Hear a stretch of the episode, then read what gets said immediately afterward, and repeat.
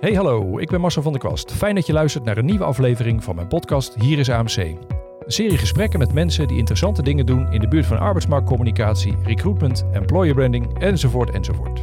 Je gaat nu luisteren naar aflevering 33. Ik zit aan tafel bij Job Mensink van Brand Giving. Alle afleveringen van de podcast staan bij elkaar op een site, hierisamc.nl. Daar staan per aflevering ook de show notes.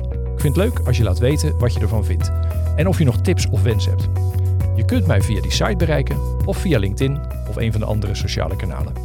Veel plezier met deze aflevering en alvast bedankt voor het luisteren.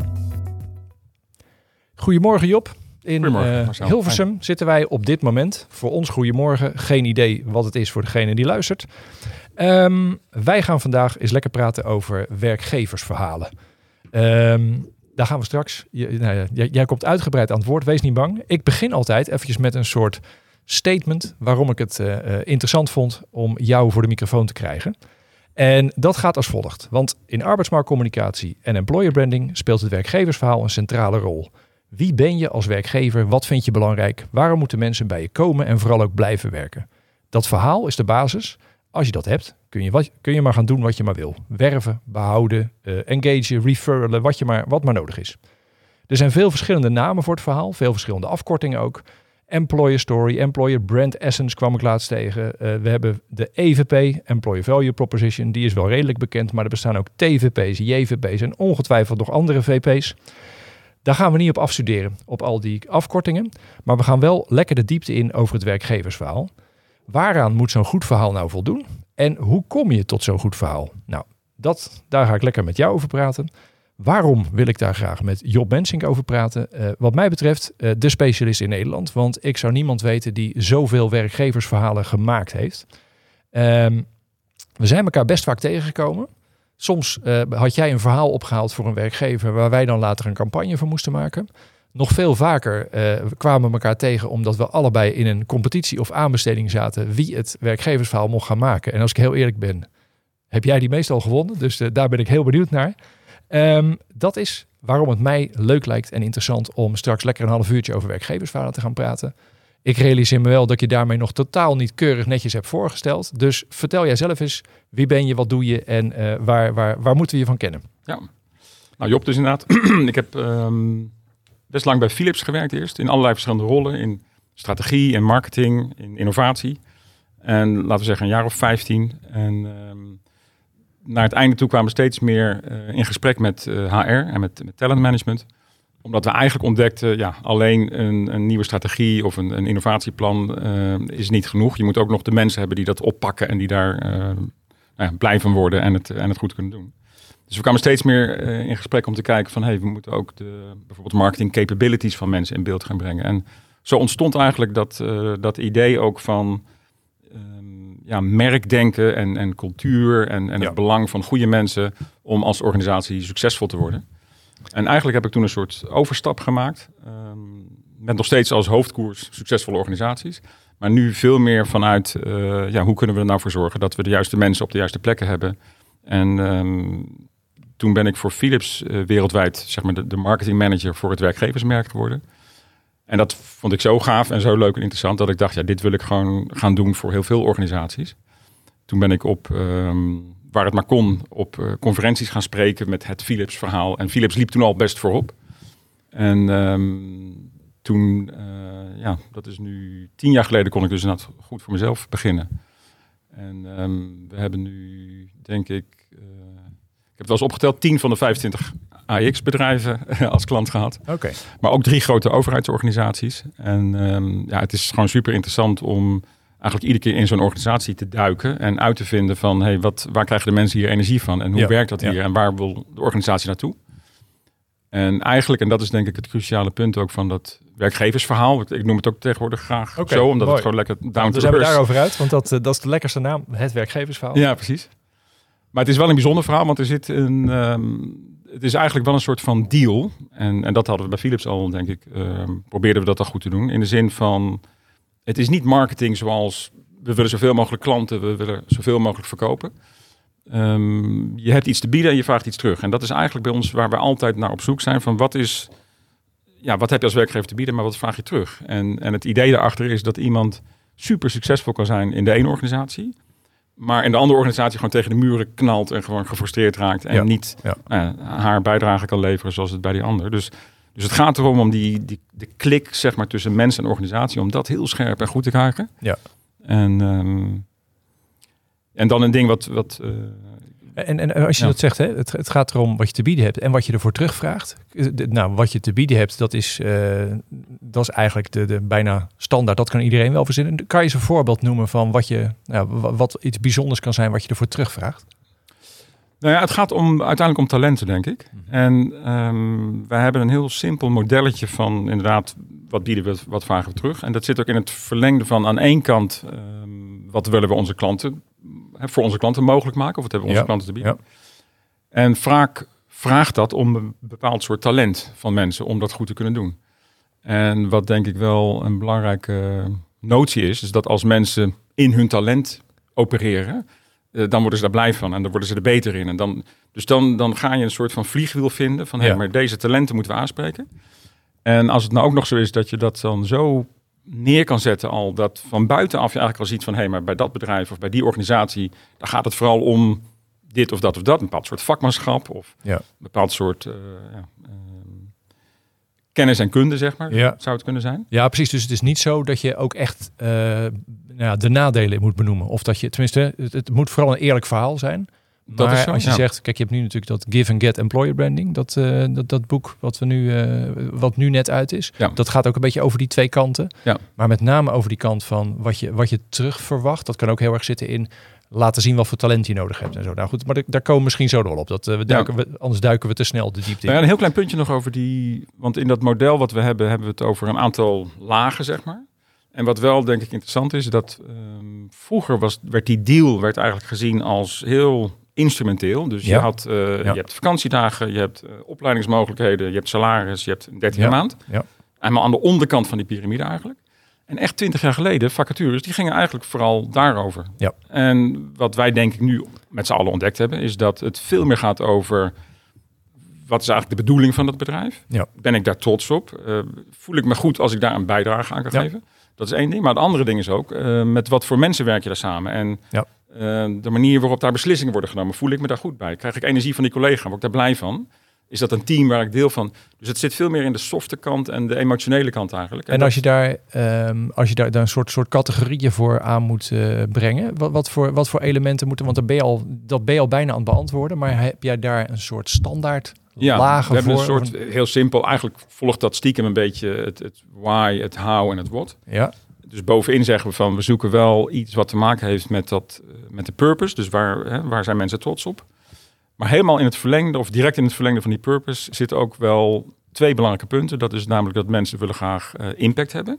Nou, je wil dan je impact hebben in Ja. een goede richting als het ware. Maar je wil ook jezelf blijven ontwikkelen. Dus je hebt een soort van vakmanschap, mastery-achtige. Dus die, die hangen bij dat purpose stuk. Ja. Het middelste lager, dat is eigenlijk denk ik de belangrijkste wel, is eh, people. Dus we hebben, gaan natuurlijk mooi van P naar P. Dus eh, moet ietsje dichterbij. Dat, van eh, purpose naar people. Ja. En dat people is echt het cultuurpunt. Ja. Dus, Ja. dus welke waarden vinden we hier belangrijk? En ehm, nou, wat ik al zei, hoe, hoe worden beslissingen eigenlijk genomen? En gaat dat top-down of gaat het bottom-up? Of gaat het heel erg Ja. bedekt? Of gaat het heel open? En is het heel erg op getallen gedreven? Of is het meer op gevoel gedreven? Nou, er zijn allerlei varianten in die de een nou eenmaal beter passen dan de ander. En, eh, en dat is die middenlaag. En, en eh, goed, we beginnen nu dus ook grip te krijgen en onderzoekjes te ontwikkelen waarmee we dat kunnen vastpakken eigenlijk. En kunnen Ja. zeggen van hé, hey, dit, dit past bij die mensen heel goed en dat past bij die mensen heel goed. En de onderste laag is eigenlijk nog weer die P-laag. Dus de, ofwel de, ehm, je hebt, je kunt ook zeggen mens, of missie, mensen en munten. Of Missie, mensen, munten, mooi. Die, de purpose ja, eh, people play. P. En dat is echt het, het stuk waarvan we zeggen van kijk, het is een soort van trappetje. Dus je moet, die treden moeten allemaal goed zijn om naar dat meer Ja. emotional connection te raken. Maar daaronder moet het, dus de geldkant, de tijd, de roosterkant, de nou ja, werk-privé-balans, al die dingen moeten wel Ja. echt goed genoeg zijn voordat je naar boven kan gaan. Dus als in onze onderzoeken proberen we ook wel daar pijnpunten te vinden. En, en die hebben op het einde ook een lijstje van hey, dit zijn wel dingen waar die deal gewoon beter kan. Maar dat zijn niet de punten die je zoekt voor een campagne. Daar ga je niet Nee. je campagne op. Nee, maar het is, laat ik zo zeggen, in het, het, en, en dat is een beetje, als je het over het werkgeversverhaal hebt, dat gaat om het complete verhaal. Dus, dus eh, dat is zeker niet eh, eh, de campagne of communicatie Ja. die je langs ziet komen. Dat moet vooral passen bij het, het totale. Want, want ehm, als jij, nog, nog één vraag over die drie lagen van jou, zeg maar. Mensen, missie, munten. Of missie, mensen, munten noem jij ze in die volgorde. Waar zit daar de, ehm, de ontwikkeling? Als je zegt, mijn mijn vakmatige ontwikkeling, mijn Ja. vakmatige uitdaging. Waar zit die in die, in die laag van Ja, jou? die zit, die zit denk ik vooral in het bovenste gedeelte. En dan in de zin, ja, het is een beetje ingewikkeld. Eigenlijk omdat, we dat, omdat het toch een bewegend model is, die, die Ja. scherper wordt. Maar rondom die missie, daar hoort dus bij van, heb ik daar impact op? En ben ik daar, word ik steeds beter om Ja, daar impact op Wat te is hebben? mijn Dus- rol in die missie? En Ja, dat, ja, en dat-. Ja. Want ik denk eigenlijk wel dat ik het gaafste altijd van al die onderzoeken vind eh, om uit te zoeken waar zit hier in deze organisatie het vakmanschap. Ja. En dat van Tata Steel naar Tommy Hilfiger naar hè, nu de, in de gevangeniswezen bijvoorbeeld. Daar is dat op een heel andere Ja. manier gebeurd dat.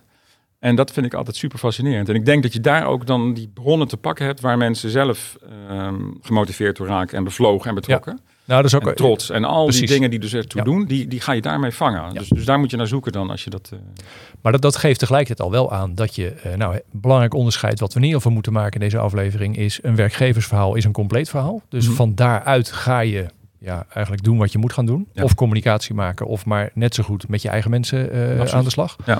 Ehm, maar, maar bijvoorbeeld zo'n verhaal. Hè? Hoe, hoe- heb jij een, een, een standaard lengte voor een verhaal? Is het wel eens korter dan een A4'tje? Nee. Nee. Nou, uiteindelijk, ja, de essentie is, natuurlijk, is gewoon heel kort. Ja. Ehm, maar er zit ook een beetje een soort lage ding in. Ja, Wat we, waar we eigenlijk altijd wel opkomen is ehm, een drietal bouwstenen. ja bouwstenen, pijlers. eh, ja. pijl- ja. ja. ja, precies. Noem het maar ja. bouwstenen meestal gewoon. Ja. Maar het zijn, het zijn dan drie elementen die, eh, die ook allemaal ehm, er zijn en die ook niet zonder elkaar kunnen eigenlijk.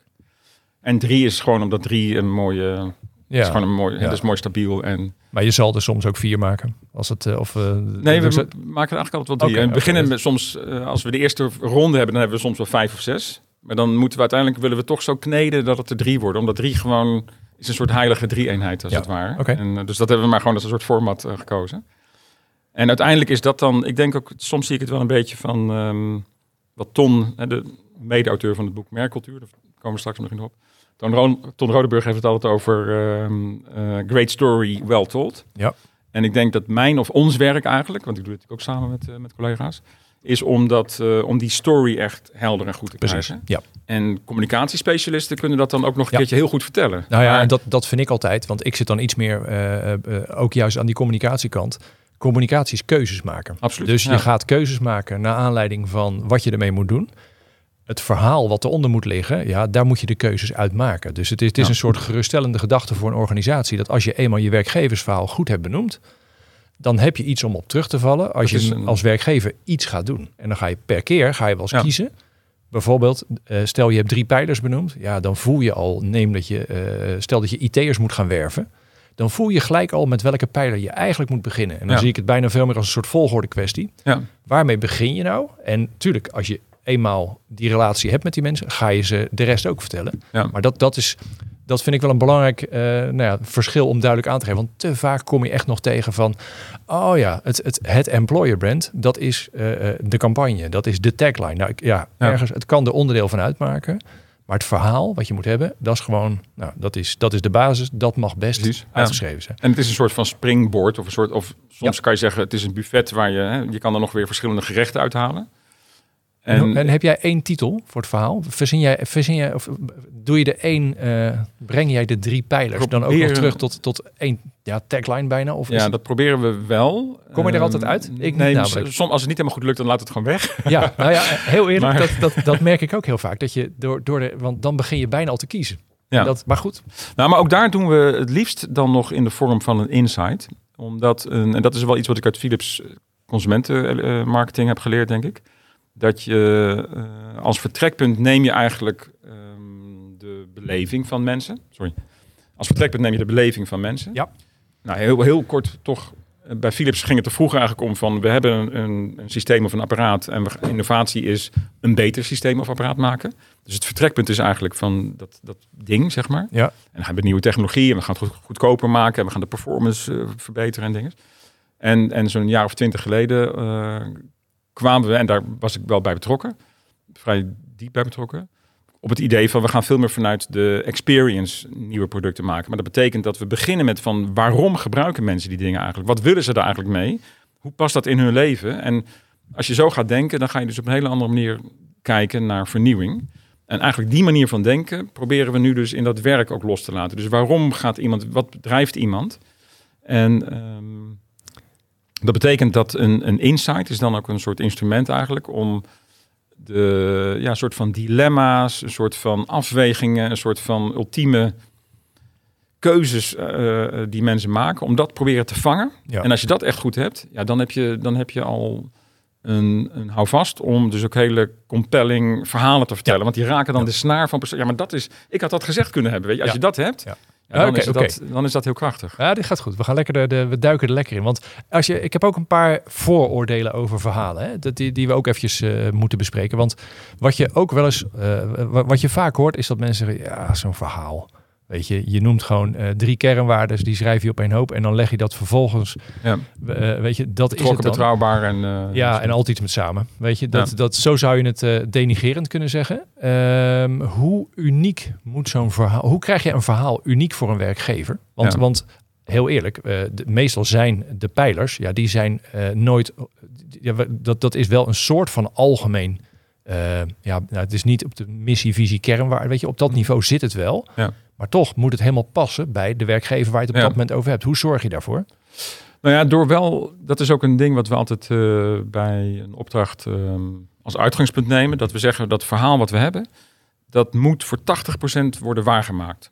En daar, tegelijk moet er ook wel ambitie, stretch, ja. aspiratie op zitten om het, om het spannend te maken. Maar onze methode is eigenlijk dat we dat eerlijke verhaal eerst ophalen bij, in de organisatie zelf. En daarna toetsen we dat. Ja. En uh, dat betekent dat we daardoor al heel veel gesprekken hebben, heel veel interviews doen, en, of focusgroepen, wat dan ook. Um, maar daar halen we heel veel quotes ook op. En die quotes zijn wel heel belangrijk in onze, in onze hele aanpak. Um, omdat we vanuit die losse quotes, we beginnen echt per klant echt met witte vellen en, en beginnen te schrijven gewoon. En vanuit die quotes, die dus heel dicht op nou ja, beleving van mensen zitten, op ervaring van mensen zitten, die gaan we dan clusteren en daar komen we dan tot dat soort uh, bouwstenen toe uiteindelijk. Ja we maken dat ook wel kwantitatief. Dus, dus we hebben een soort wiebertjes aanpak. Eerst gaat het helemaal open, alles verzamelen en, en chaos, zeg maar, met allemaal losse kreten. Ja. En dan halverwege het wiebertje proberen we dat bij elkaar te brengen. En gaan we ook met, het, met de klant daar uh, naar kijken van missen we nou dingen of herkennen jullie dingen? Nou, heel vaak herkennen ze natuurlijk heel veel van die dingen. En daarna gaan we het ook echt testen. En ik denk dat dat wel um, een, een krachtige aanpak is om te doen. Omdat je, waar we dan echt naar gaan kijken, is twee dingen vinden mensen deze dingen die we gevonden hebben, vinden ze die aantrekkelijk, spreken die echt heel erg aan. En ervaren zij dit ook de laatste tijd in hun werk.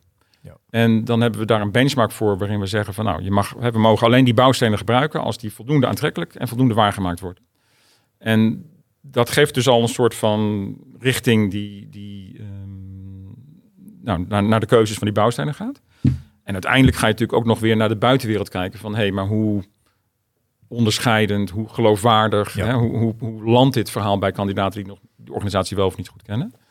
Maar ik denk dat het, als het erom gaat van, uh, ja, moet een verhaal nou onderscheidend zijn of moet het authentiek zijn? Ja, dan, het moet beginnen bij dat authentiek. Het moet voor een heel groot gedeelte aantoonbaar zelfs uh, ja, waargemaakt kunnen worden. Want anders dan slaat het nergens op. Dan is het een brochure van, hey, ik kom hier binnen, maar het is hier heel anders dan uh, verteld werd. Ja dat, Dat, dat is voor niemand goed natuurlijk. Nee, nee en, en, maar tegelijkertijd, uh, het is geen invuloefening. Dat je, dat je bij wijze van spreken nee. van tevoren kun je bijna al zeggen dat uh, een van de drie pijlers, de kans dat een van de drie over een soort van vakmanschap gaat en eentje ja. over een soort van samen, weet ja, je? Dat, ik denk dat dat... De, de, ja, dat is bijna altijd, kun je dat wel doen. Dat, daar kan je wel bijna van uitgaan. Alleen dan is het alsnog moet dat helemaal kloppen bij hoe het dan bij die organisatie is. Ja. En wat ik interessant vind wat je zegt, is dat je vervolgens met quotes, dat zijn NS1 voorbeelden, dat je het daarmee laat leven. En dan is het, als het goed is... En dat is, dus een balans inderdaad. Dan is het bijzonder uh, genoeg om in ja. ieder geval het verhaal van die organisatie te zijn. En dan is het vooral, als je het weer naar buiten gaat trekken met communicatie, dan ga je heel anders kijken naar uniek. Dan Dan, maak je je- een keuze en dan, Precies. dan gaat je, zet je iets honderd keer zo sterk erin. En Juist. dat, maar dat raakt dat net die snaar Ja. die dan goed is. Ja, maar, dat is wel waarom een verhaal. Kijk, het is altijd dat het verhaal authentiek moet zijn. Dat, dat klinkt als een enorme open deur. Maar ja, eh, het nadeel, of, of één ding weet je van clichés, eh, ze kloppen. Dus Nou ja, dat is het. En dat is een beetje het punt ook, denk ik, wat ehm, even reclame voor ons werk. Dat er zijn natuurlijk eh, campagnes gewoon gemaakt door een bureau die gewoon een gaaf, sexy communicatie-idee hadden. Ja. Ehm, ja, A World of Opportunities is dan een hele flauwe, maar er zijn, er zijn echt van dat soort eh, eh, campagnes die gewoon eigenlijk totaal niet uit dat bedrijf zijn opgehaald, Nee. maar die gewoon van, joh, dat is gewoon gaaf communicatie. Nou, prima. nou, en maar dat, daar ga je ik dus- natuurlijk niet de oorlog mee winnen. Nou, maar dat vind ik dus wel het mooie. Dat, dat als je als organisatie ervoor zorgt dat je je verhaal hebt, dan kan je alsnog, eh, eh, of alleen of samen in een bureau, kan je, Zeker, kan je ja. wilde dingen gaan verzinnen. Absoluut, maar dan ja. heb je in ieder geval, je hebt de toetssteen of het bij je organisatie past of niet. En Ja. dat is ook voor een bureau is dat veel prettiger. Ja. Maar te vaak, moet ik er ook bij zeggen, kregen wij jouw rapporten op het bureau en zeggen, dit is de briefing. Ja. Ah, wacht even, nee, dit is de bijlage van de briefing, maar welke keuzes gaan we dan maken? Ja. Dat is precies de strategie Ja, van precies. een bureau daarna. Maar dat, nou ja, dat, dat, dat is geen probleem dat het een goed of het ander slecht is. Maar dat is wel de volgorde. En het is niet zo dat je met, oké, we hebben het werkgeversverhaal, daar kunnen we mee naar buiten. Nee, want dan wordt het een soort pick en mix. En dat, maar dat zou je als bureau kunnen doen, maar dan pik je misschien de verkeerde. Nou ja, eh, en eruit. dat vind ik het interessante. Juist als je bijvoorbeeld met content aan de slag gaat, dan is je content jaarkalender. Ja, dan werkt zo'n werkgeversverhaal met eh, drie pijlers. Dat werkt perfect. Want dan Mhm. weet je precies hoe je door het jaar heen aandacht besteedt. En of je alle pijlers genoeg aanvinkt. Ja. En wat. En dan heb je gewoon over een jaar heen. Moet je de goede balans hebben gevonden. Dat je het hele verhaal erin hebt. eh, Dus dat lukt wel.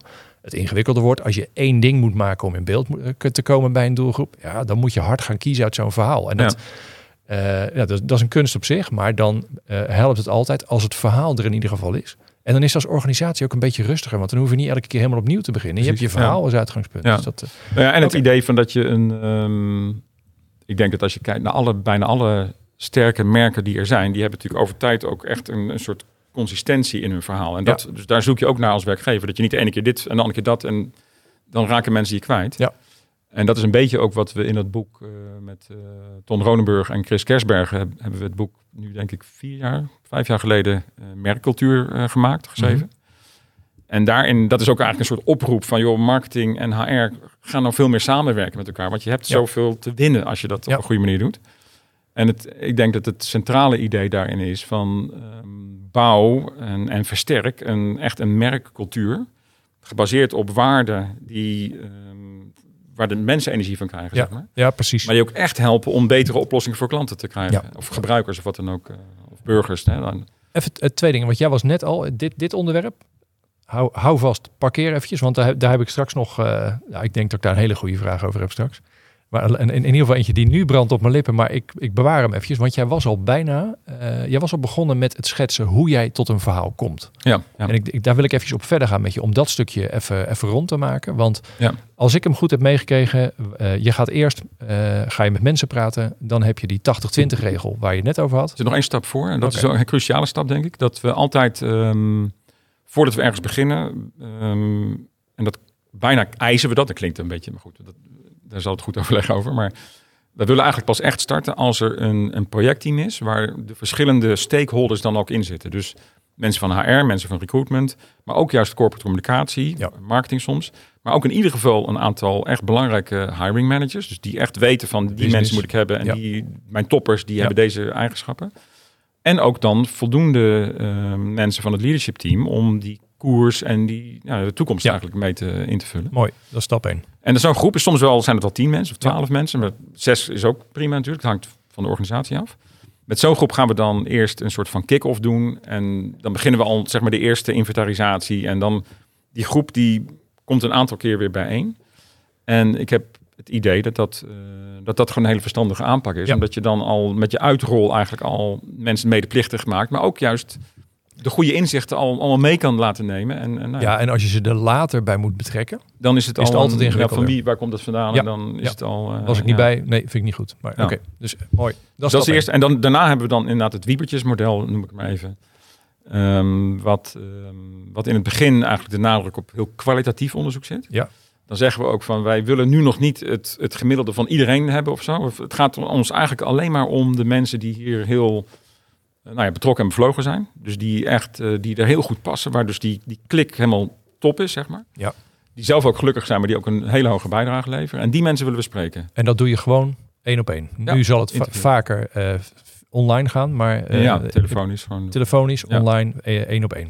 Telefonisch denk ik nog weer iets beter. En dat is wel grappig. In het, toen we begonnen, zeg maar, toen zeiden we altijd van nee, dat... eh, ik doe het trouwens samen met Barbara Kolf. Zij is eh, corporate antropologe. Dus wij vullen elkaar ook heel goed aan. Ik ben meer soms ja, getallenachtig en, en misschien merkdenken iets sterker. En zij heel erg vanuit de mens en, en Ja. tribes en dat soort dingen. Dus dat is, dat is een hele sterke combinatie. Ehm, en dan ben ik alleen de draad kwijt wat ik ging vertellen. nou of je mensen, eh, of je ze telefonisch spreekt. Ja, of precies. Ja, ja, ja. In het begin zeiden we altijd van nee, we willen, en dat willen we nog steeds, we willen wel ook echt de smell of the place ophalen. Dus je wil wel een aantal vestigingen of het kantoor, je wil daar rond hebben gelopen en natuurlijk aanvoelen hoe het daar zit. Maar in het begin zeiden we ook, nee, alle interviews moeten ook één op één en dat moet eh, eh, ja, op die manier gebeuren. En toen kwam het een keer bij een project, daar moesten we gewoon telefonisch, omdat we heel snel moesten over een heel, hele grote regio heen. En toen ontdekten we eigenlijk dat zo'n telefonisch gesprek toch ook wel heel snel heel goed persoonlijk en bijna intiem kan zijn. Ja. En dat mensen toch ook over de telefoon heel makkelijk ja, hun hart luchten, zeg maar. Dus, en dan, dan, ja, het is meer een soort gesprek ook dan echt een hard interview Ja, wat we doen. wat heel eerlijk, met mensen over hun werk praten. Ik heb Is het eigenlijk nog nooit meegemaakt dat je daar geen energie in voelt. Nee, klopt. Dat- mensen dat- vinden dat ze vaak heel fijn. Bedanken je vaak ook voor het gesprek Ja, aan het. ja, dat is echt ja, heel erg leuk. omdat. Het, eh, en dan weet je ook, dan, dan heb je de goede punten gezeten van ja. Wat, Ja. waar worden mensen blij van. Of, En is daar een, een minimum aantal voor? Hoeveel mensen je moet spreken? Ja, het is... ehm, Het zal heel erg afhangen van de omvang van het totale. Kijk, het is sowieso, zoals we het nu schetsen, klinkt het als heel groot, heel ingewikkeld, alleen voor grote bedrijven. nee hoor. Nee. Nee, precies. Ik bedoel, als je dit luistert en je bent van een organisatie van 30 mensen, ja, dan is de aanpak is niet heel anders. Nee. Alleen de, de, de aantallen zijn veel kleiner. Dat, Precies, dat, ja. Het is wat we ook doen met, eh, nou ja, ik denk dat het wisselt als we echt een EVP doen. Want we hebben ook wel oplossingen waarbij je voor kleine organisaties eigenlijk meteen naar een online en een, een workshop en een online stuk gaat. Dus dan hebben we een soort light eh, aanpak voor. Maar voor die zwaardere aanpakken van grotere organisaties, laten we zeggen duizend plus of zo mensen, dan heb je al met, eh nou, met 20, 20 van dat soort interviews heb je al echt heel erg veel opgehaald. Ja. Nu zijn we bij een veel grotere organisatie die ook veel complexer is met, met echt verschillende ja, onderdelen erin. En daar gaan we ook gelijk voor doelgroepen aan de slag. Dus daar hebben we nu eh, al 70 interviews. Ja, dat is wel precies. echt een uitzondering. Ja, dat is veel. Maar dan, dus zeg maar, te- meestal is het zo rond de 40, 80 of zo. Dan heb je en al een aantal doelgroepen afgedekt en het, en het hele verhaal. En wat ik leuk vind altijd bij die, die eh, bepalen wie je gaat spreken. Natuurlijk is dat altijd vrij doelgroep gestuurd. Van, van, dan willen we vanuit de verschillende doelgroepen, de verschillende bedrijfsonderdelen, moet daar een goede mix in zitten. Ik vraag eigenlijk ook altijd om één of twee mensen die totaal niet in een doelgroep passen. Ja, ja. Die ook niet, eh, ja, eigenlijk eh, voor de werving ook niet relevant zijn. Maar wat wel echt de cultuurdragers zijn. Dat Absoluut, ze weten van, ja. nou, als je wil weten hoe het hier werkt, dan moet je bij puntje puntje Ja. zijn. En die al een tijd... eh, Ja, dat zijn vaak. Ja. En ook dan, ja, dan zit je of bij de, de, de man of vrouw die altijd achter de receptie zit. Of bij, je komt op de gekste plekken van een organisatie uit. Maar je hebt altijd een geweldig gesprek over, over de, de, de cultuur, zeg maar. Dat, Nee, dat is ook super. Dat is ook heel mooi. En inderdaad, we vragen ook altijd van geef ons ook echt een aantal hele eh, mopperaars of, of gewoon kritische mensen. ja, precies. Die moeten dan wel weer betrokken genoeg zijn om mee te willen doen. Maar uiteindelijk willen Ja. ze dat meestal toch wel. Ja, eh, en eh, doen. kijk, uiteraard de mix tussen doelgroepen, eh, man, vrouw, jong, oud, kort bij de organisatie, lang, maar die, Ja. die mix, die, die moet je zoeken. Ja. Oké, dus dan heb je, nou ja, in het wiebertje zijn we dan volgens mij Dan ben je helemaal het dus... breedste stuk. Ja, en dan, en dan gaan we dat clusteren. En dan komen we dan op vier, vijf, zes ja, kansrijke bouwstenen. Waarvan we denken van Ja. hey, we, we zien dit, we horen dit. En dat toetsen we dan dus met het projectteam. Dus dan heb je daar een sessie, een workshop. En, en dan laten, tegenwoordig laten we ook meteen al zien van we denken hier aan. Vroeger deden we dat, lieten we dat helemaal nog open eigenlijk. En gingen we valideren. Ja, Nu eh, we merk- merken dat, dat, dat het handiger is om dan eigenlijk al een soort van potloodversie te laten zien. Die nog helemaal kan veranderen. Die nog helemaal open is. ja. Maar dat je gelijk al een soort houvast hebt. Daarna lopen we dan ook al die quotes langs. Dus het zijn soms wel honderd quotes die dus bij elkaar zitten. En dat zijn ook vaak hele leuke sessies. Omdat Ja. mensen ook weer hun eigen werk daarin zien. En soms Ja. hele sprekende, eh ja je, je merkt gelijk waar de energie zit. Ja, Oké, dus dat, dat doe je weer met het projectteam. ja. En dan gaan we dus eigenlijk wat meer naar die kwantitatieve. Omdat we dus zeggen van oké, we moeten wel wat we straks doen. Dat moet voldoende eh, ervaren worden. Dus dan gaan we het eh, met echt een... Dan gaan we wel echt die hele organisatie in. En het Ja. kan zijn dat iedereen meedoet of dat een, een, een steekproef gewoon genomen wordt. Maar dan gaan we dus die, die bouwstenen eigenlijk toetsen aan de hand van stellingen. En we doen ook nog wel een paar open kwalitatief, kwalitatieve vragen erbij om wat dingen te testen, maar of te toetsen. Of te verrijken als het moet. Ehm, en dan halen we dus echt op en dan komen we echt op scores. En dan wordt het ook een beetje, dan wordt het bijna ook een soort trein die pam, pam, pam, gewoon naar een station gaat. En dan en dat helpt gewoon heel erg ook om zo'n groep ook verbonden te krijgen. Want er, er komt een soort van overtuigende Ja. logica van ja, dit zijn gewoon onze bouwstenen inderdaad. En, dat, en aantoonbaar. En kijk Ja. maar, want hier komt daar en dat komt daar. En dat, maar voor de groeiorde, dat tweede stuk, dat als jij dus echt het, het gaat toetsen, dat doe je digitaal. Dat doe je met een, met een survey online of eh, zo. Dat-. Ja, ja, precies. Ja. Dus dan laat je eigenlijk de hele organisatie, laat je Of mee, eh. of tenminste een, een goede steekproef, laat je meekiezen. Ja. Wat uiteindelijk die drie pijlers worden op basis van de bredere van die losse uitspraken. Maar je, la- ja, precies. Maar je, je klust het al wel een beetje van tevoren. Je maakt samen met het Eh, nee, mensen krijgen gewoon die losse uitspraken te zien. En daarop zeggen ze van, ja, vind ik super aantrekkelijk. En heb ik ook echt wel ervaren. Precies. Of, en dat, dat is ook- geeft ook leuke discussies. Wij halen daarmee ook dus punten op waarvan we zeggen van... hé, hey, werkgever, eh, hier hebben we punten gevonden... die, die vinden mensen super gaaf en Ja. super aantrekkelijk. Maar je maakt ze niet genoeg waar. Dus als, we dat, als je dat weet op te voeren, die ervaring van die dingen... Ja. Eh, en het kan, soms kan dat heel eenvoudig zijn. Maar als dat, dan maak je gelijk je propositie in één keer... voor de bestaande mensen ook een stuk beter. Dus we, we kijken steeds meer wel naar eigenlijk het hele werkgeverschap. Van ja, wat heb je... Natuurlijk ook voor je bestaande mensen. Hoe kan je dat aantrekkelijker en beter maken? Ja. En een ding waar ik zelf heel enthousiast over ben, is dat we ook op het gebied van waarde ehm, hele simpele vragen hebben. Twee vragen. Eén vraag is, ehm, wat vind jij belangrijk in je werk en leven? En mensen kunnen dan dus uit een set van waarden kiezen. Kiezen Hoeveel waarden schets je daarvoor ze?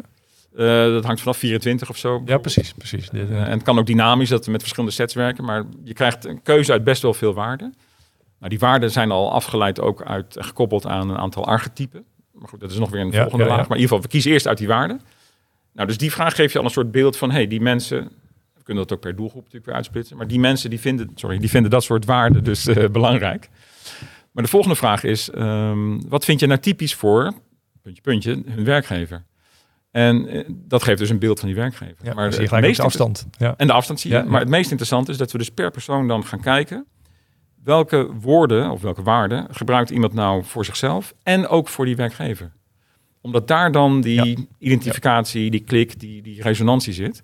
En als je die, als je gewoon puur dan, en dat kan met een Excel sheetje, als je daar die, die, die waarden ophaalt en je maakt daar de top 5 van, dan heb je eigenlijk een soort DNA van de cultuur van die organisatie. En dat Ja. is fascinerend om te Ja. zien wat er dan uitkomt. En hoe dat ook verschilt van werkgever naar werkgever. Dus dat geeft je echt een, ja, een extra ehm, versteviging van... Ja, wat is nou die persoonlijkheid van die organisatie eigenlijk? En, en wie past daar dan ook fijn bij, als het ware? En is dan na die, nou, de online ronde, zeg maar, de, de, de validatie, daarna is het nou, een kwestie van opschrijven, even Nee, gechargeerd is het gezegd. de laatste workshop. En dat is eigenlijk de belangrijkste. En soms gebeurt dat ook nog weer in een aantal fases... als er nog weer verschillende beslissers eh, bij zijn. Maar dan proberen we met het projectteam weer te zeggen van... kijk, dit hebben we allemaal teruggekregen. En dat betekent dat dit... Ja, we denken nu dat we deze bouwsteen kunnen we misschien een beetje een twist naar die kant. Dus dan gaan we nog een beetje tunen en tweaken. En dan, nou ja, dan staan die bouwstenen. En dan maken we daar een goed verhaal van. Of dan, dan geven we daar een toelichting op van hoe we daartoe gekomen zijn. Een soort van onderbouwing. En in wezen is dat dan ja, de briefing. Of de, is dat Ja. dan het, het vertrekpunt voor interne, externe communicatie en alles. Ja.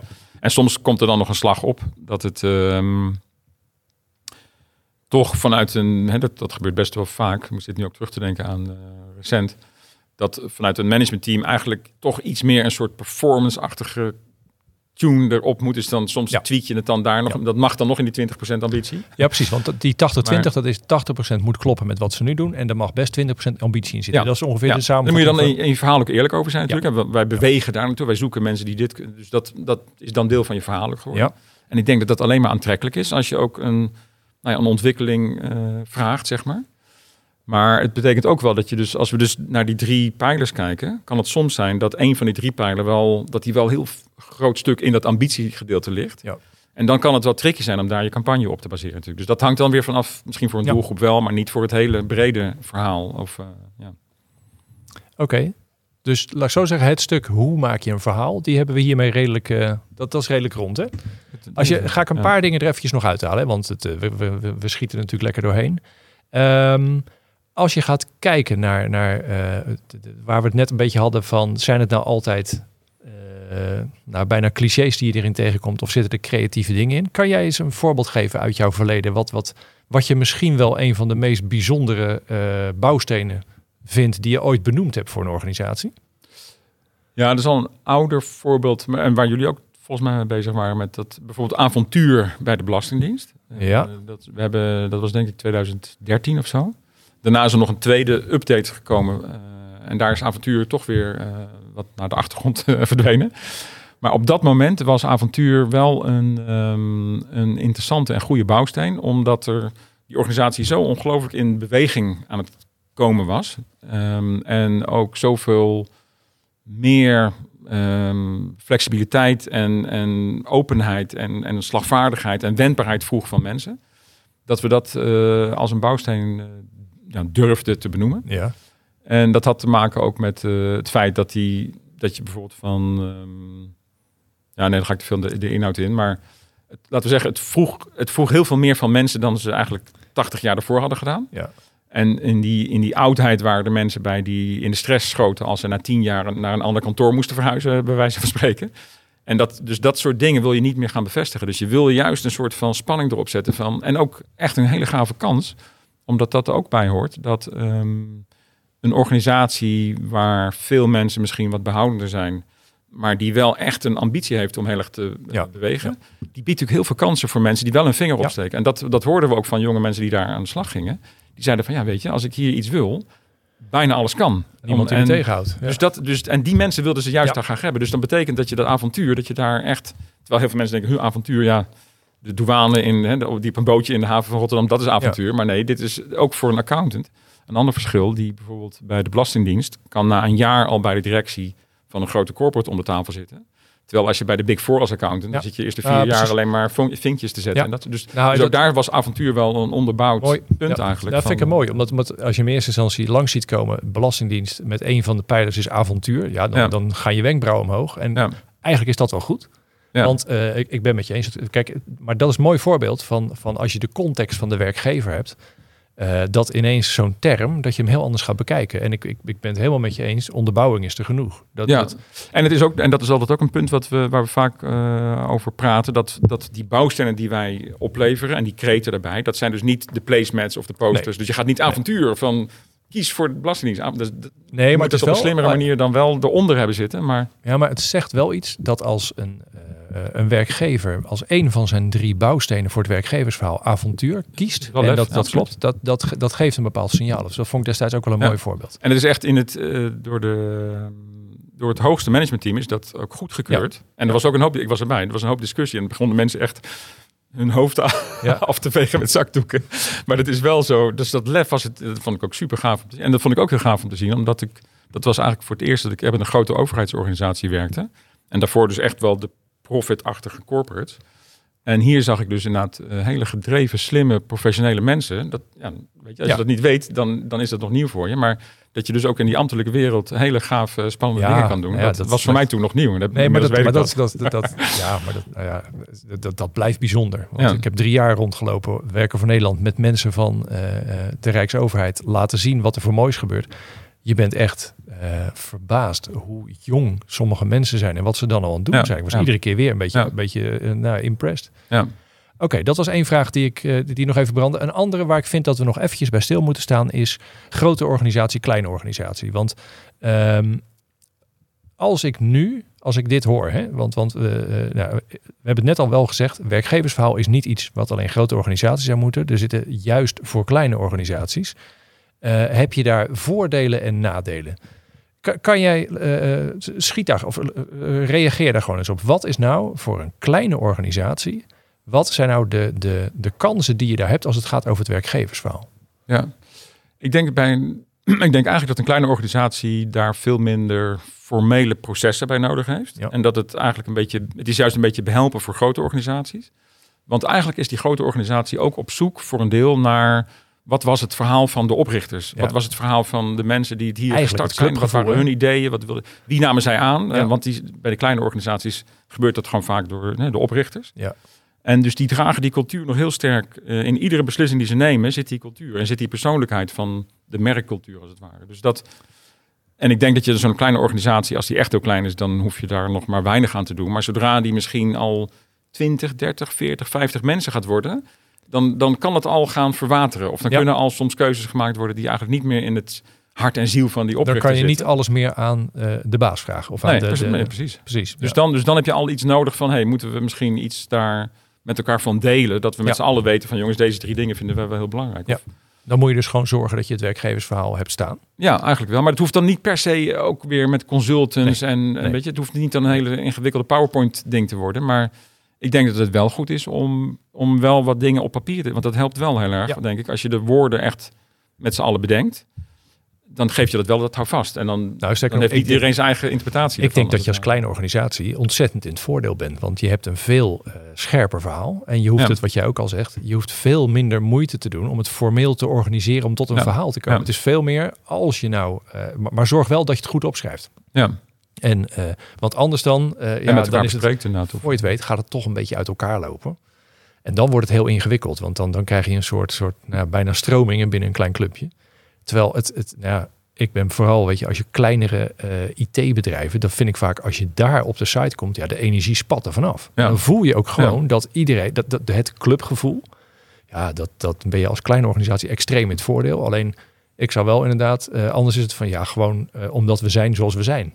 Ja. Ja, dat is dat, nee, precies. Maar het is ook, je moet ook oppassen dat het niet zoiets wordt van eh, allemaal gave foto's van oh, wij hebben ook een poolbiljart en Nee, we hebben een glijbaan of, Nee, of, want dan- eh, een barista en ja, weet je, Nee, want dan ga je op zoek naar, ja, maar wat is nou het bijzondere verhaal van die club? Ja, dat, eh, dat zit er dan. eh, ja. Ja. nee, dus, dus nogmaals, het is niet iets voor grote organisaties. Wij hebben wel voorbeelden. Weet je, dat je uit, weet je, nou ja, het, de processen en de voorbeelden zijn wel iets meer afkomstig bij grote organisaties vandaan. Maar ik wil wel gezegd hebben, juist bij kleine organisaties, ja, zorg dat je dat werkgeversverhaal zelf opschrijft. Of, of Ja. weet je, doe dat slim. Nou ja, en dat is ook een ding wat dat heb ik nog niet over verteld, maar ik ben aan- naast zeg maar het strategiestuk met brand giving ook bezig met andere groep mensen weer om eigenlijk slimme tools te maken waardoor je geen dure consultants meer nodig hebt. Ja. En daar volgen we dan medewerkers mee. En wat we daarin willen doen is eigenlijk zo'n slim overzicht maken dat je door iedere drie maanden even te polsen bij de medewerkers eh, niet alleen inzicht krijgt in je werkgeverschap in bredere zin, dus ook gewoon pijnpunten of dingen die, die mensen dwars zitten. Maar ook inzicht krijgt in die waarden. En Ja. ook inzicht krijgt in welke onderdelen van onze propositie maken we goed waar en zijn aantrekkelijk. En waar zit daar een gap? En, dat zijn, en daar hebben we dus ook klanten met inderdaad eh, letterlijk eh, eh, 30 medewerkers. Hele kleine zelfs. Eigenlijk te- bijna te klein zou je zeggen voor zo'n soort tool. Maar ehm, daar zien we dus dat we daar ook ja, hele zinvolle, goede dingen mee kunnen doen. Door, en ook door langzaam dingen dan op te bouwen. Dus je, je kan dan over tijd steeds meer inzicht hebben. En je haalt dan ook waarden op die, die in dat bedrijf gewoon echt dan leven en Ja. van, eh, Ja. van belang zijn. Ja. Ja, want dat, is, dat brengt mij op, eh nou, laat ik beloven, mijn ene laatste vraag. Want eh, we moeten ook de tijd een beetje in de gaten houden. Ehm, want zo'n, als, het dat, als je het verhaal hebt staan, dan het blijft een momentopname. Ja. Weet je, het is, het is wel, als het goed is, is het de echte situatie, hoe het op dat moment is binnen een organisatie. Hoe eh, moet je de, de, eigenlijk, nou ja, het, het, het bijblijven van dat verhaal, het, het actueel houden, hoe moet je dat organiseren? Hoe, Ja. hoe, hoe lang kan je vooruit hebben- met een werkgeversverhaal? Daar hebben we een app voor. Ja, precies. www. Nou, Ja. klik- klikt u hier. ja, nee, maar dat, maar dat is wel echt zo. Dat we dus met het tool wat we aan het bouwen zijn, Doorsight, eh, kan je als werkgever gewoon blijven volgen. En, en blijf je eigenlijk, en dat is ook daar de, de reis van de medewerker, volgen we dan ook van sollicitatie tot exit. En dat met hele slimme korte surveytjes haal je dingen op. En, en blijf je dan een soort vinger aan de pols houden. En dat, we zeggen ook ervan, dat is eigenlijk voor de elke dag beter werkgever. Die dus ook zegt van joh, ik, heb, ik wil niet nu al een ton uitgeven voor een heel groot onderzoek of zo. Ik wil gewoon beginnen. En ik heb al gelijk die voeling. En ik, ik haal dan ondertussen, terwijl we bezig zijn, haal ik wel die waarden en die propositiedingen haal ik dan ook op. Ja. En het voordeel bijvoorbeeld ook dat je dan voor doel, we hebben niet over TVP's gehad of zo, hè, maar je hebt dus, je, uh, wat is een kreet die we wel gebruiken. Je hebt je werkgeververhaal in brede zin, maar je gaat ook steeds meer echt voor doelgroepen kijken van Ja. hoe, hoe vertalen we dat verhaal dan met de bewijzen voor die doelgroep. En dan blijven die bouwstenen blijven hetzelfde natuurlijk, maar ze, ja, de, de voorbeelden of de verhalen of de bewijsvoering die is voor die doelgroep anders. En met zo'n soort tool kan je ook daar heel snel in schakelen. En kan je dus kijken van, hé, hey, die waarde voor de hele groep zitten zo. Maar als ik naar IT kijk, dan verschuift dat wat. Dus Ja. dan, dan haal je daar ook weer handige dingen over op. Dat gezegd hebbende, ik denk wel dat als je zo'n EVP ophaalt, dan gaat het over zulke ja, fundamentele waarden eigenlijk en, en vakmanschap in die organisatie. Dat over drie jaar zal dat nog steeds 80% hetzelfde zijn waarschijnlijk. Ja. Nou ja, als het goed is, weet je, dat verandert niet. eh, niet echt, nee. Zelfs niet door de coronacrisis eh, gaat dat verhaal niet 180 graden in één Nee. keer om. Maar je moet wel zorgen dat je mee blijft bewegen met wat er om je heen gebeurt. Dus dat, Ja. oké. En je moet wel weer gave nieuwe dingen erbij vinden die dan eh, Ja. die ook het verhaal misschien net weer wat, wat Ja. meer sizzle bij de steek eh, kunnen geven. Ja. Oké, nou, eh, laatste vraag, want ik mocht er nog maar één stellen van mezelf. Ehm, je hebt organisaties met een heel sterk eh, commercieel merk. Weet je, waar, waarvan eh, nou, de, de bekende merken, ehm, waarvan heel Nederland heeft daar een beeld van, krijgt elke dag enorm veel signalen. Apple over-. Ja, die, men, die eh, organisaties hebben Ferrari. ook een werkgeversmerk. Ja. Weet je, die, die hebben ook behoefte aan een werkgeversverhaal. In hoeverre, ja, ik zou bijna willen zeggen, hoeveel van het commerciële merk duikt er dan op in jouw verhaal? Als je daar, eh, want, want je, hebt, ja, je moet daar niet de illusie hebben dat je het beeld helemaal bij kan stellen, wat mensen hebben. Maar toch is het ja, dat merk vertalen naar de arbeidsmarkt. Ja. Hoe, heb je daar een apart werkgeversmerk voor nodig? Of is het eigenlijk, je hoort ook wel eens namelijk people brand, hoor je wel eens. Dat mensen letterlijk zeggen van ja, we moeten ons merk vertalen naar wat het, ja, hoeveel mensen erin zitten. Weet je, als je, als je bijvoorbeeld, kijk, ik vind een mooi voorbeeld van employer branding, vind ik Coolblue. Terwijl eh, ik denk dat zij maar heel weinig specifiek aan employer branding doen. Er zit Ja. gewoon heel veel mens in dat merk, Ja. waardoor je dat automatisch eh, als, als ontvanger koppel je dat aan de mensen van Coolblue en oké, dat, dat, Ja. dat, dat projecteer ik op hoe het daar is om te werken. Ja. Dan is het veel meer tweaken bijna en, en zorgen dat je nog wel scherp richting doelgroep doet. Hoe kijk jij ernaar als je gaat hebben over eigenlijk de, de, de, de rol van het werkgeversmerk ten opzichte van de andere varianten van het merk? Ja. ja, ik denk dat het, dat het ehm, dat je, en dan kom ik weer terug op dat, dat verhaal merkcultuur. Dus er zit ergens een soort idee wat die organisatie bij elkaar brengt, als het ware. En dat vertaal je dan naar klanten en dat vertaal je naar medewerkers, misschien zelfs naar leveranciers of naar de, de community en de omgeving waar het bedrijf zit. Of, Ehm, en die dingen mogen dus niet strijdig zijn met elkaar, maar ze zijn zeker niet eh, hetzelfde. En ehm, ik denk dat ook een heel, dat is een, hele belangrijke afweging van veel consumentenorganisaties, dat je eigenlijk ook wil voorkomen dat jij, zeg maar, de aantrekkelijkheid van je consumentenmerk, dat die één op één doorloopt in jouw werkgeversmerk. Waardoor je gewoon 98% van de mensen moet gaan afwijzen. Omdat ze allemaal dat merk gaaf vinden. Denken ze, oh gaaf, ik wil bij, dat, bij die organisatie werken. Als ze dan van tevoren nog niet goed snappen of weten van... ja, wat wordt eigenlijk van je gevraagd daar om daar succesvol te zijn... eh, dan, dan is het dus niet efficiënt meer. En dan ga je dus inderdaad heel veel mensen ja, af moeten wijzen. En dat is natuurlijk nooit fijn voor een, voor een eh, merk. Eh, maar de belofte naar... Kijk, de waarde is gelijk. Dus alles voor een glimlach bij Coolblue is relevant voor klanten... maar ook voor de mensen die er werken... Maar dat betekent ook wel dat je, ik denk dat dat voldoende duidelijk is, dat als je daar gaat werken, dan ga je ook wel dat soort dingen doen. Dan ga je die wasmachine twee meter, eh, twee verdiepingen omhoog brengen of voor die glimlach. Dus, dat, dus die deal is dan denk ik al een stuk duidelijker. Ja. Maar bijvoorbeeld bij die, die, eh, hoe heet die ehm, Europese onderzoeken, dat Ferrari dan, eh, weet je, een favoriete werkgever is, ja, ja. daar haal ik altijd mijn schouders een beetje voor op. Want dat, je Ja. gaat daar niet het Ferrari-gevoel, zeg maar, als, Nee, als mensen hebben geen idee. krijgen. Nee, dat, Dat nee, is gewoon puur, de, de- dan wordt dat oversche- overschenen bijna door het- ja. ja. Oké, nou ja, dat is leuk zo. Ik realiseer me dat het voor een laatste vraag is een veel te groot onderwerp. Ja, het is maar, een groot ding, ja. maar dat, oké, praten we misschien wel een keer over verder. Dus dat, eh, ehm, we gaan er een beetje een, een, een, een richting een, eh, een eind. Eh, We zijn al de langste waarschijnlijk. nou, nee, laat ik zo zeggen, dit- is een onderwerp. Ja, dat is zodanig de basis voor alles. Ik denk dat, eh, dat je een mooi overzicht hebt gegeven van eh, nou, bijna het ABC van een werkgeversverhaal. Dus eh, dat, dat, eh, als mensen slim zijn, luisteren ze dat helemaal uit.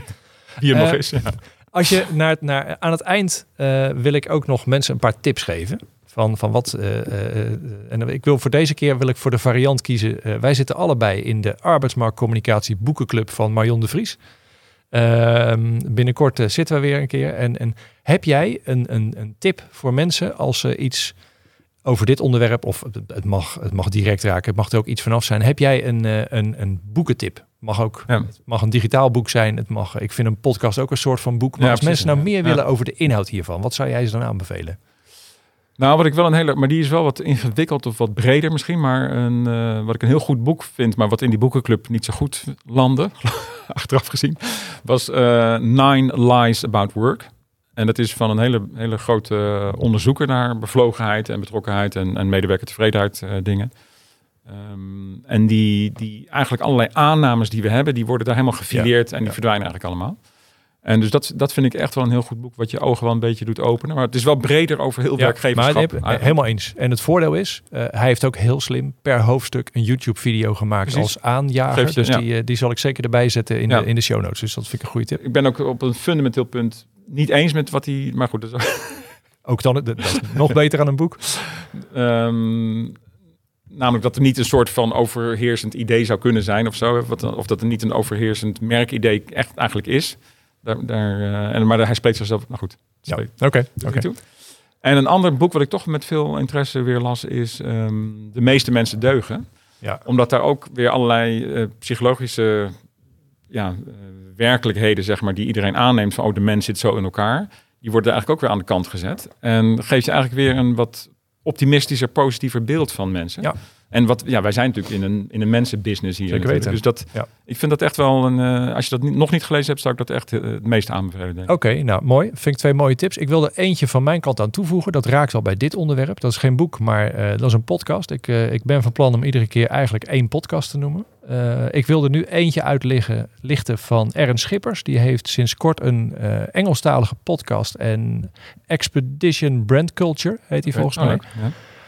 Oh jee, dan word ik ineens heel zenuwachtig of ik het wel Expedition is. Maar het is in ieder geval een goede podcast over brand culture. Waarbij Van Martijn. eh, nee. Oké, nou ik, ik kijk het na. Ernst, eh, dit is gelijk een goede test of je mijn podcast wel tot het eind toe luistert. Want dan kan ik dat nu gelijk checken.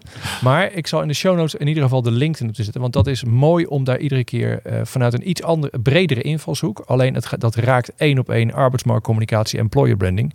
Blijkt dat gesprek met jou ook weer Job, dat weet je, de, de cultuur in een organisatie, ja, die moet genoeg in het werkgeversverhaal zitten. Dus daar vind ik de podcast van Ernst wel een mooie, mooie toevoeging voor.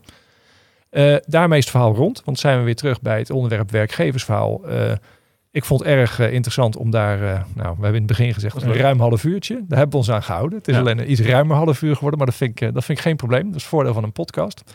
Dankjewel Job voor je, je, Ja, inzichten en eh, gewoon je, dit, eh, nou, in hoeverre je je werkwijze open op tafel legt. Vind ik, eh, vind ik erg interessant om te horen. Dankjewel voor nu. Ehm, ja, en dan is eigenlijk altijd de afsluiting. we blijven elkaar volgen. Hartstikke leuk. Ja, dankjewel. Tot zover deze aflevering van Hier is AMC. Dankjewel voor het luisteren.